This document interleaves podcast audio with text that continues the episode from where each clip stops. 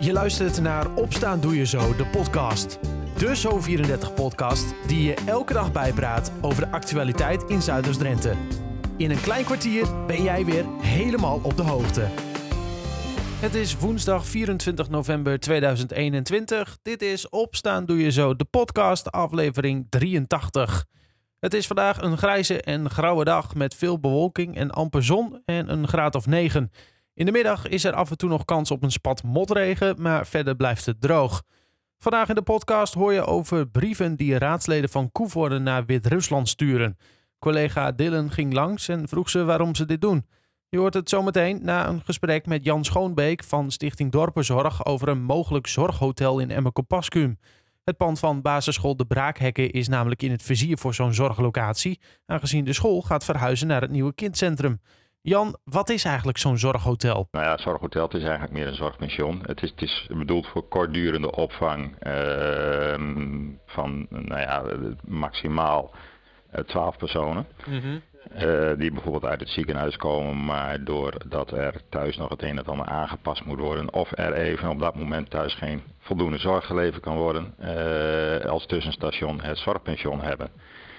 Ja. Um, en uh, het, het is dus niet echt grootschalig. Het, het gebouw aan zich zal qua uiterlijk natuurlijk niet veranderen, want dat, dat vergt een investering die, ja, goed. Het is nu al spannend natuurlijk. Het, Mhm. Zoiets kost heel veel geld. Uh, maar het gebouw blijft gewoon intact zoals het is. Ja, precies. Er moet gewoon een plekje komen, zeg maar, waar uh, mensen die uh, vanuit het ziekenhuis komen even kort kunnen zijn.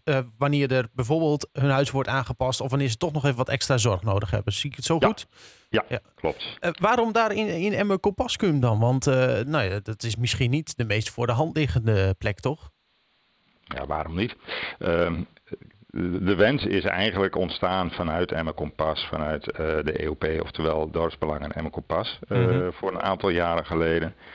Uh, nou ja, zoals het wel vaker hier in de Mondendorpen gaat, werd dat idee in een onderling overleg is op tafel gelegd. Nou, hebben de rest van, van de bewonersorganisaties van de zes dorpen hier, die hebben gezegd, nou dat vinden wij een goed idee.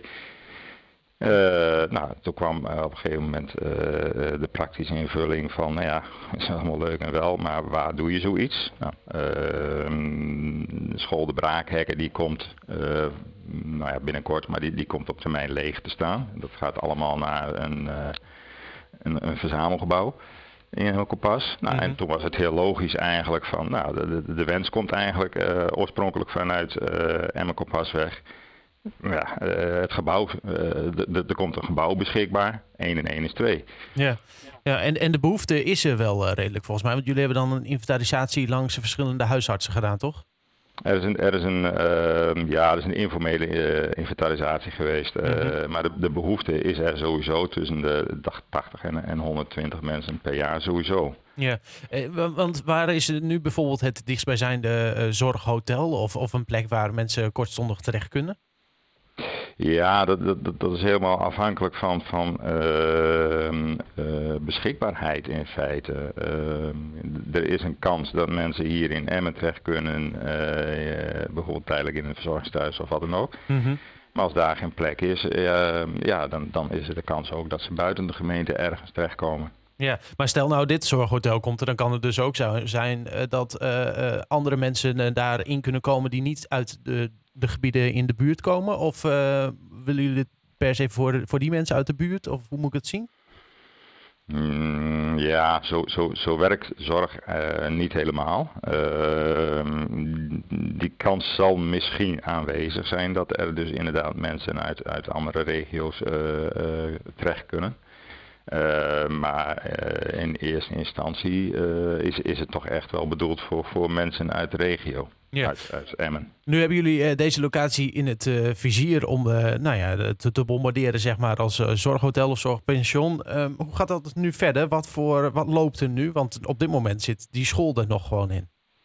Ja, dat klopt. Uh, nou ja, wij zijn, wij zijn onder elkaar al een jaar of vijf bezig met dit hele verhaal. En op een gegeven moment zijn uh, de SETNA, de Welzijnsstichting en, en uh, hoofdaannemer WMO, dokter schoonmaken in dit gebied, zijn ook aangehaakt. Mhm.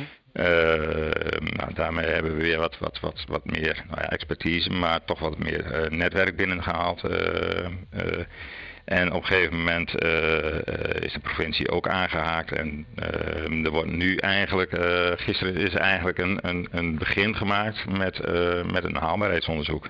Ja, en, en, en hoe lang gaat zo'n onderzoek dan duren? Want de onderzoeken kunnen nogal lang duren. Uh, nou, de verwachting is dat uh, begin januari uh, de resultaten bekend zijn. Oh, dat is al redelijk snel. Ja, maar wij kunnen sneller hier.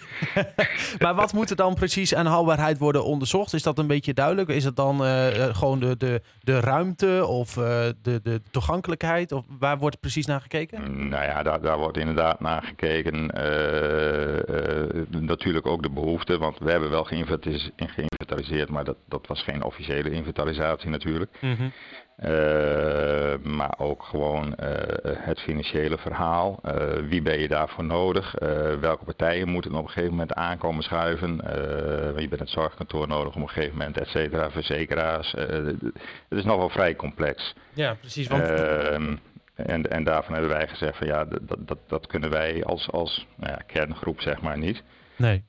dus dat, dat moet iemand anders doen die daar wat meer verstand van heeft. Ja, precies. En wie zou nou uiteindelijk uh, dan bijvoorbeeld daar inkomen als partij zijnde? Wie moet dan die zorg gaan, uh, gaan verlenen? Is dat ook al een beetje in beeld of wordt daarna pas daarna gekeken? Nee, nee, nee dat, dat is pas daarna. Het is eerst het haalbaarheidsonderzoek, dus uh, de financiële consequenties en, en, en nou ja, bezetting en dat soort dingen. Mm -hmm. En um, als je dat duidelijk hebt, dan, dan is het een, een, ja, in feite een go of een no-go. Uh, dus uh, het kan wel of het kan niet. Als het wel kan, ja, dan, dan gaan we meters maken en dan, uh, dan wordt bekeken van welke partijen gaan we mee om tafel, welke partijen betrekken wij daarin. Um, en, en dat zullen eigenlijk wel een heleboel partijen zijn. Ja. Hoe schat je zelf de kansen eigenlijk in van het haalbaarheidsonderzoek? Mm, ja, er zullen altijd haken en ogen uitkomen, maar uh, we, zijn, we zijn aardig positief. Ja, en, en is, is die positiviteit ook gedeeld met bijvoorbeeld, uh, nou ja, provincie dan, hoorde ik je net al zeggen, maar de gemeente Emmen ook? De gemeente Emmen uh, is er ook wel bij betrokken. Ehm, niet zo actief als wat de provincie doet. Mhm. maar de rol van de gemeente Emmen die, die, die, zal ook steeds groter worden natuurlijk in dit verhaal. Het is dus nog even afwachten op de uitkomst van het onderzoek. Maar de partijen zijn positief gestemd over die uitkomst. Het hele verhaal over het Zorghotel kun je in alle rust nog even nalezen op zo34.nl of in de app. Zometeen hoor je over de brieven aan Wit-Rusland vanuit Koevoorden. Maar eerst het laatste nieuws uit de regio. Door explosief gestegen bouwkosten valt nieuwbouw van de nieuwe vesten in Koevoorde een stuk duurder uit. In nog geen jaar tijd blijkt dat het nieuwe schoolgebouw 8,5 miljoen euro meer moet gaan kosten. Dat bleek uit de commissievergadering van gisteravond. Wethouder Jeroen Huizing beaamde de verhoging, maar stelde dat hij niet aan, enkel aan de sterk gestegen bouwkosten ligt. Er zijn ook wat kleinere bedragen opgenomen in de nieuwe raming, die eerst niet in het voorstel zaten. Koevoorde wil in totaal nu 35 miljoen euro uittrekken voor de nieuwe school. En Germanicus moet op zoek naar een andere trainer. André Mulder heeft de club uit Koevoorde laten weten dat hij aan het einde van dit seizoen wil stoppen als oefenmeester. Mulder kiest ervoor om even afstand van het amateurvoetbal te nemen en gaat niet op zoek naar een andere club. Hij laat weten dat hij het te druk heeft om trainer te willen blijven. Inmiddels is de Nieuw-Amsterdammer al 28 jaar als trainer actief. Of Mulder ooit weer terugkeert als trainer, weet hij nog niet. En de brandweer heeft dinsdagmiddag een meisje bevrijd dat beklemd was geraakt in een boom aan de ingenieur Arjen Vonkweg in Koevoorden. Tijdens het beklimmen van de boom was het meisje vast te komen zitten tussen twee takken. Omstanders lukte het niet om haar te bevrijden en daarom werd de brandweer opgeroepen. Door de inzet van een hydraulische spreider kon het meisje uit haar benarde positie bevrijd worden. Nadat ze bevrijd was, kon het meisje met haar moeder weer naar huis. En zorggroep Vites in Wijteveen gaat drie tiny houses bouwen op hun terrein. De woningjes zijn bedoeld voor hun cliënten. Inmiddels is de vergunning verleend. De zorggroep is gevestigd in het voormalige zusterhuis in het dorp en behandelt mensen met een verstandelijke beperking en psychiatrische problematiek. Cliënten zijn gebaat bij zorg en begeleiding in combinatie met wonen. Het gebeurt vaker dat zorginstellingen daarom dergelijke woonruimtes laten aanleggen, onder meer als oefening naar zelfstandige wonen. Tot zover het laatste nieuws uit de regio. Voor meer kijk je op zo34.nl of de Zo34-app.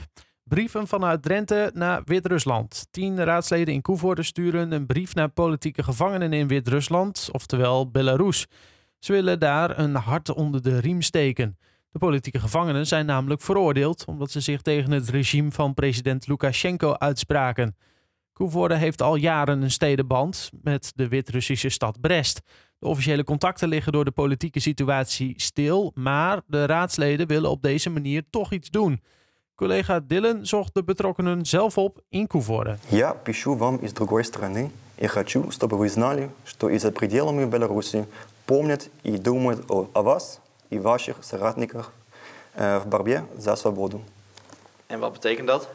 Dat uh, degene die het schrijft uh, laat weten dat er uh, gedacht wordt aan diegene, ook buiten de grenzen van Belarus. Christian Haagdoorn, wat is je functie? Wat, wat, wat, wat doe jij in dit project? Ik werk bij de gemeente Koevoorde. Ik ben projectmedewerker internationale samenwerking in economie. En daar valt ook de stedenbanden onder. We hebben Noordhoorn en Brest. En nou ja, bij Brest doen we zulke acties, symbolische acties.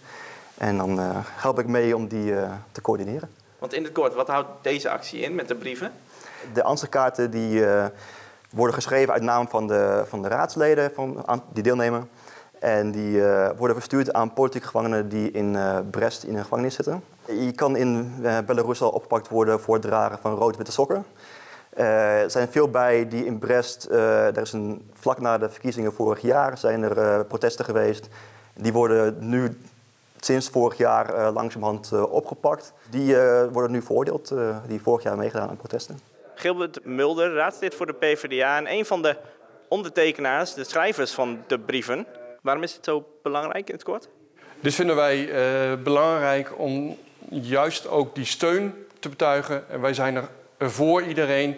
Wij vinden die stedenband uh, belangrijk vanuit verschillende oogpunten, maar we willen dat ook op deze manier uiten. En om juist die mensen op deze manier een hart onder de riem te steken. Renze Bergsma, burgemeester van Koevoorde. Hoe kijkt u als